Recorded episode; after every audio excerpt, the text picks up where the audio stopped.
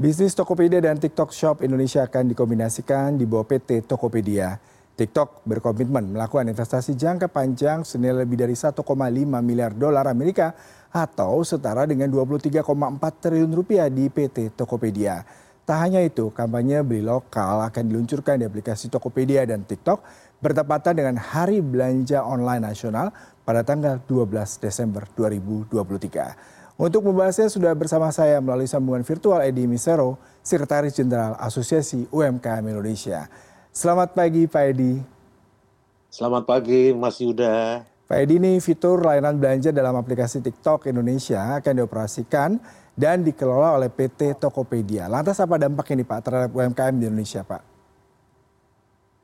Bahwa uh, dua dua perusahaan raksasa ini mau bergabung, mau join ya, hmm. itu adalah hal yang uh, dari sisi kami membuka peluang sebenarnya bagi pelaku UMKM untuk bisa bersama-sama atau bisa menjawab uh, ruangan yang lebih besar, ruang yang lebih besar yang diciptakan oleh baik Tokopedia maupun TikTok ya, sesudah mereka bersama-sama. Saya kira spiritnya itu, Mas. -hmm. Iya Pak, ini kalau ada data dari Kementerian UMKM tercatat ada 67 juta pelaku UMKM di Indonesia, tapi baru 22,68 juta yang sudah landing di um, uh, online shopping ataupun menggunakan teknologi digital seperti ini. Lalu sebenarnya target pemerintah apakah bisa tercapai dengan uh, merger ini Pak? Target pemerintah untuk 2024 saya kira uh, mencapai 30 juta ya. Mm -hmm. Itu target pemerintah yang harusnya kita dukung secara bersama. Hmm. Memang uh, ada kendala-kendala yang dihadapi, tetapi uh, marilah kita belajar untuk optimis bahwa dengan kepedulian kita semua, kita akan mampu mencapai 30 juta itu. Hmm. Itu yang menjadi inti. Ya, kalau kita bicara mengenai Tokopedia dan uh, Go uh, sendiri akan mengembangkan kampanye beli produk lokal, dan banyak memberikan ruang bagi UMKM. Nah hari ini tanggal 12 bertepatan dengan hari belanja online Pak dan mereka memang mengedepankan produk UMKM menjadi salah satu aset jualan nih. Apa tanggapan Anda Pak, terutama asosiasi melihat terobosan bisnis Tokopedia dan TikTok Shop ini Pak? Ada tiga komponen utama untuk suksesnya pelaku UMKM ke depan. Yang pertama adalah regulator, dalam hal ini pemerintah. Bagaimana pemerintah mendorong pelaku UMKM, menopang pelaku UMKM untuk mereka bisa berkembang ke depan. Itu yang mm -hmm. pertama ya. Yang kedua adalah pelaku UMKM-nya sendiri mm -hmm. mau nggak menjadi lebih baik. Artinya ada ada uh, uh, kepedulian daripada pelaku UMKM untuk memperbaiki dirinya, memperbaiki kualitas uh, produknya, memperbaiki kualitas jasanya agar uh, semakin mudah untuk dipasarkan. Hmm. Dan yang ketiga adalah para konsumen atau masyarakat Indonesia. Kita mau nggak pelaku UMKM kita menjadi sejahtera? Dalam konteks begini, Mas, bahwa kita sudah punya data masing-masing lah.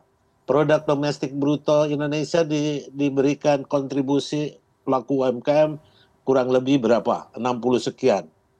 Penyerapan tenaga kerja Indonesia 97 persen saya pernah katakan begini, kalau pelaku UMKM-nya kolaps, kemungkinan besar ekonomi Indonesia kolaps. Hmm. Dan itu kita tidak mau itu.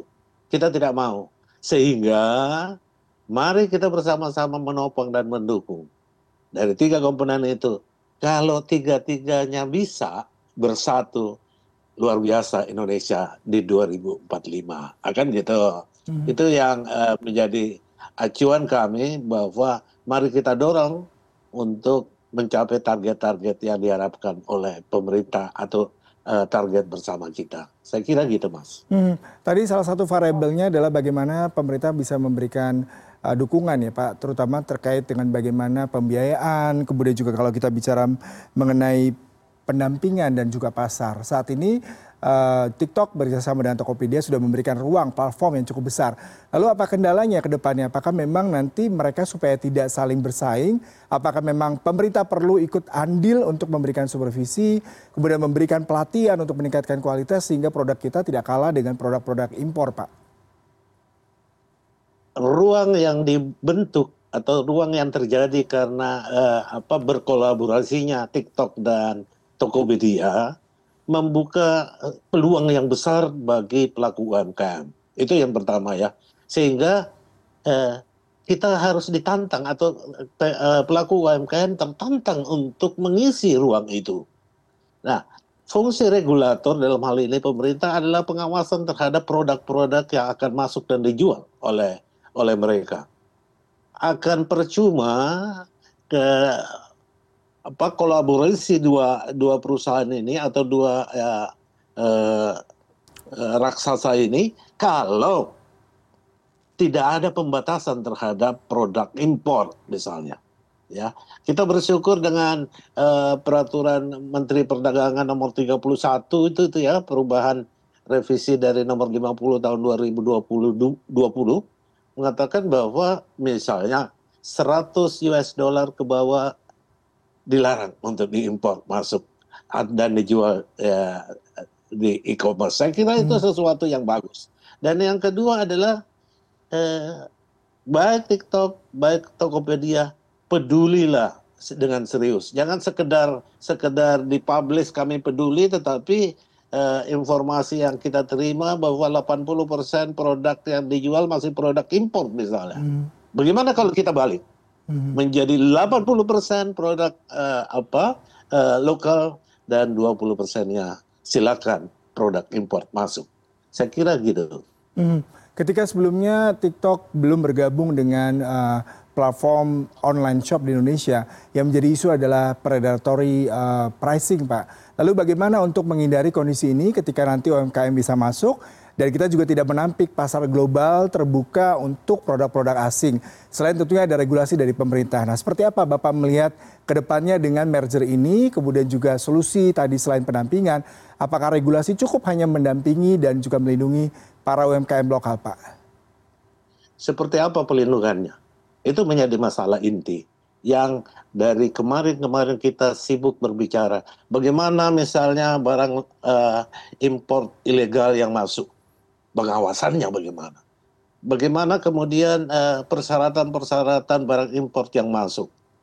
Kalau lokal misalnya harus ada uh, persyaratan tentang halal misalnya, persyaratan tentang uh, SNI misalnya, berlakukan juga untuk produk-produk impor itu, akan gitu. Mm-hmm. Dan kita tahu bagaimana mereka mereka uh, memproduksi secara uh, masif gitu ya, hmm. sehingga mereka menjual ke Indonesia oke okay, ke ke negaranya Mas Yuda aja ya hmm. kita kirim uh, uh, secara gelondongan ya gitu ya bukan per pieces tapi gelondongan jatuhnya pasti murah dan uh, perlakuan dari perpajakan atau biaya masuk itu juga diterapkan dengan hal yang sama. Saya kira itu hmm. yang menjadi uh, harapan kita bahwa kita pasti bisa uh, bersaing dengan produk-produk impor sepanjang uh, pemerintah dalam hal ini regulator menerapkan uh, peraturan-peraturan yang sesuai dengan harapan kita.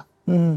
Pak, ini yang menarik lain adalah terkait dengan kepemilikan data, keamanan, uh, creativity ya kalau kita bicara ya, karena memang dunia UMKM Indonesia sangat identik dengan kreativitas. Nah, apakah ada kekhawatiran hal serupa terjadi ketika merger ini begitu sangat masif? Kemudian juga apakah ada ketakutan dari para pengusaha lokal terkait dengan bagaimana kreativitas ini, keamanan data, kemudian takutnya di copycat lalu digandakan dan menjadi massive produk, mass product dan justru membahayakan produk UMKM sendiri, Pak?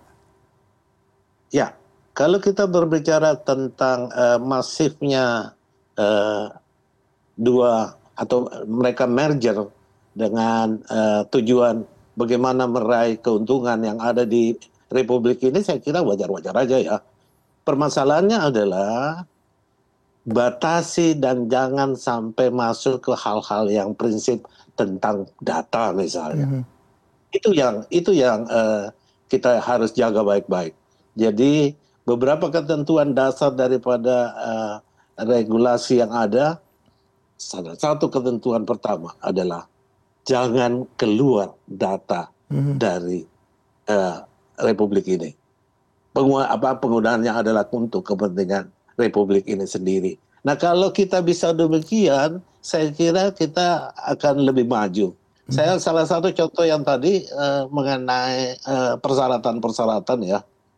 Indonesia uh, mencadangkan 2024 itu 100 eh 10 juta 10 juta sertifikasi halal. Hmm. Dan di bulan Oktober kemarin berdasarkan uh, percakapan kami dengan uh, beberapa teman termasuk juga dengan Kementerian Agama baru dicapai 2,4 juta hmm. sertifikasi halal. Tidak mudah untuk mendapatkan 7,6 juta dalam satu tahun. Nah ini perlu kerja keras, kepedulian regulator dalam hal ini untuk menopang itu semua.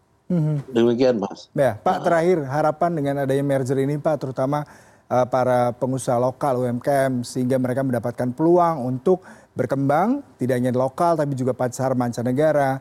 Selain tadi pemerintah memberikan regulasi, kemudian juga kesadaran dari para pengusaha lokal dan juga masyarakat sendiri untuk mencintai produk dalam negeri, Pak.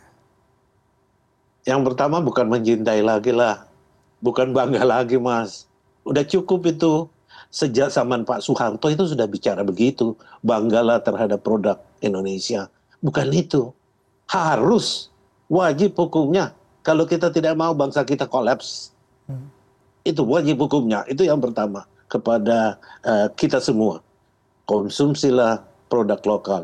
Karena kita mau di 2045 kita menjadi negara yang kuat. Negara yang uh, lebih sejahtera saya kira itu yang menjadi inti dari semua. Dan yang terakhir adalah pelaku UMKM.